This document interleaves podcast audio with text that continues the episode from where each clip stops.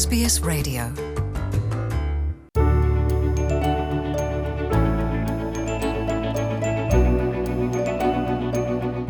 استرالیا یو ښکلی او له عجایبو ډک هیواد دی استرالیا د میلیونونو مهاجرو کور دی او په دې کور کې خلک پر درې سوو ژبو خبرې کوي.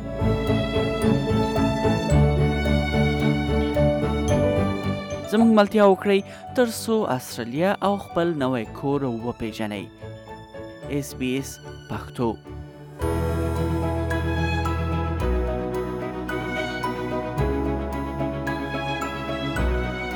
په استرالیا کې د مسلمانانو د تاریخ او کلچر په اړه زیاتې څېړنې تر سره شوې د څېړنو پایلې ښیي چې مسلمانان په استرالیا کې شاوخوا 300 کال اوږد تاریخ لري خو دا چې لومړی ځل مسلمانانو د استرالیا له اوسیدونکو سره څه وخت اړیکه ټینګه کړې په دې اړه څېړونکي بیلابیل نظرونه لري یو ډله باور لري چې ل 1450 کال څخه د انډونیزیا کبنیونکو له بومیانو سره اړیکې درلودې او سوداګري هم کوله خو د مسلمانانو د تاریخ پاړه ناهید کبیر په خپل کتاب کې لیکلي چې لومړی ځل د ولسمې پیړۍ په لومړیو کې د انډونیزیا مسلمانانو د استرالیا له بومیانو سره اړیکې ټینګې کړي او یو شمیر بومیانو د اندونیزیا له مسلمانانو سره ودونه هم کړي او تر هغه وروسته له بریتانیا څخه استرالیا ته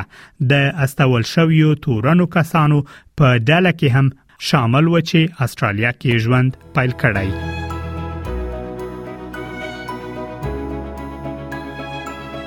استرالیا ته د اروپایانو له راتګ وروسته په 1860 میلادي کال کې له افغانستان څخه د اوخپا افغانانو له راتګ سره په استرالیا کې اسلام خپور شوی او د مسلمانانو په شمیرو کې هم د پام وړ زیاتوالی راغلی د اسلام ډریمینګ په نوم کتاب کې راغلی چې نن ورځ د بومي مسلمانانو په ډله کې داسې مسلمانان لیدل کیږي چې پلرونه او نیکونه په اصل کې افغانان و د وایټ استرالیا پالیسی شتون د یوې مودې لپاره د دې لامل وګرځید ترڅو لسپین پوستو اروپایانو پراته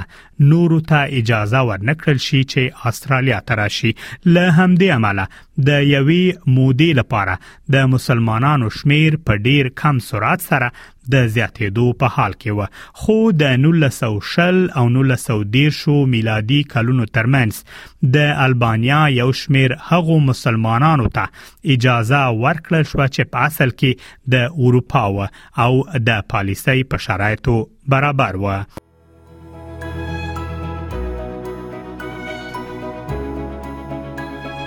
د البانیا هیوا تر مسلمانانو وروسته د اروپا هغو مسلمانانو ته هم اجازه ورکړل شو چې د دویمې نړیوال جګړې لامل بې ځای شوی و په 1916 میلادي کال کې د کډوالو لپاره تګلارې کې بدلون راغی او د 1918 او 1920 میلادي کلونو ترمنځ د یو تړون لمخې لسره کسان له ترکیه څخه استرالیا ته کډوال شو له ترکیه وروسته په لبنان هیواد کې د کورنیو جګړو لامل د لبنان هیواد سرګونه اوسیدونکو ته په استرالیا کې پناه ورکړل شو چې ډیری مسلمانان و نن ورځ هم د استرالیا د مسلمانانو د ډلې لوی برخه د لبنان اصلي اوسیدونکي دي او له تیرو لسګونه کلونو راځي په استرالیا کې ژوند کوي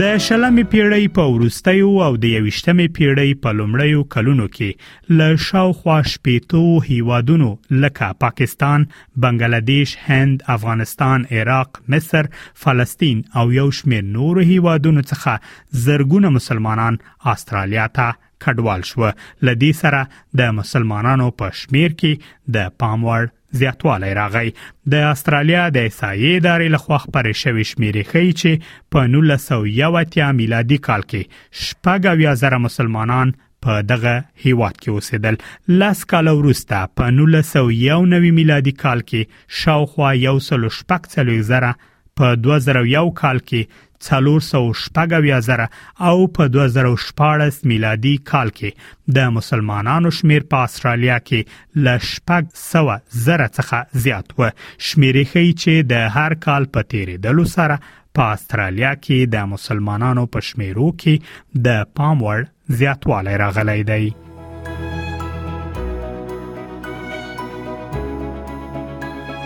په استرالیا کې د مسلمانانو د شمیر ل زیاتوالی سره د مسلمانانو د عبادت ځایونو په شمیر کې هم زیاتوالی راغلی شمیرې خی چې نن سبا په استرالیا کې د مسلمانانو د عبادت ځایونو شمیر ل 300 شپېتو مرکزونو څخه زیات دی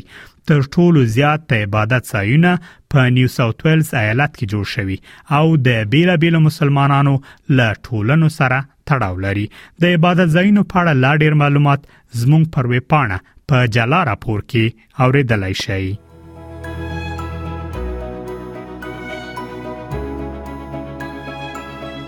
په استرالیا کې د مذهب ازادي مسلمانانو ته د عبادت ځایونو ترڅنګ د نورو علمی او کلتوري فعالیتونو اجازه هم ورکړي په 1940 میلادي کال کې مسلمانانو لومړنی اسلامی خوندزی په استرالیا کې جوړ کړ او تر هغه وروسته د خوندزیو په شمیر کې زیاتوالی راغی اوس مهال شاوخوا 40 اسلامی خوندزی په استرالیا کې فعالیت لري په استرالیا کې د اسلامي ښوونځیو د ټولنې لخوا خبره شوی معلومات ښیي چې تر ټولو زیات اسلامي ښوونځي په نیو ساوت ویلز او وکټوریا ایالتونو کې په فعالیت بوخت دي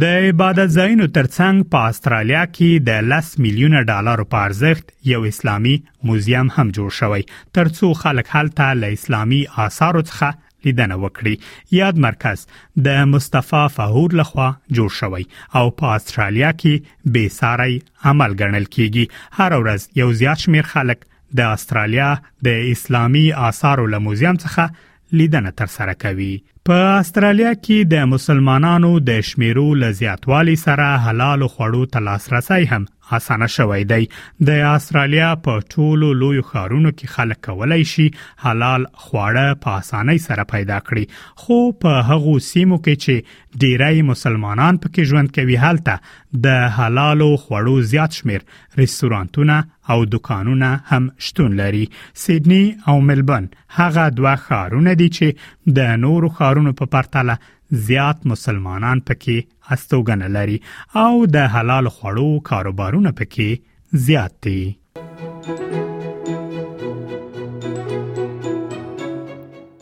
استرالیا د اس بي اس پښتو خبرونه لاله او پیژنې sbs.com.au/pashto وګورئ او اس بي اس پښتو فیسبوک خوښ